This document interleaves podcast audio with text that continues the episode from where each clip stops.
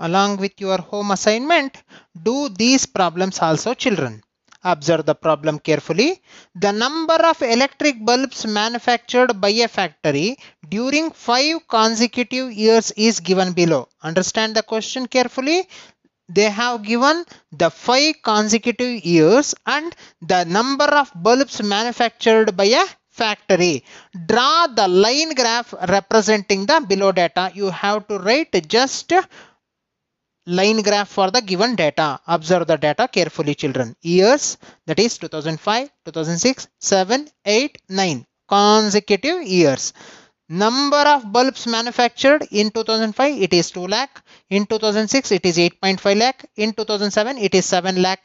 In 2008 it is 5 lakh and in 2009 it is 1 lakh. Just you have to represent this data in line graph children. In the same way, do another problem. Observe the problem carefully.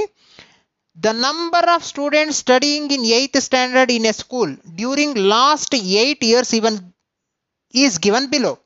Represent this data on the line graph. Again, they are asking line graph children. Years 2001, 2002, 2003, 4, 5, 6, 7.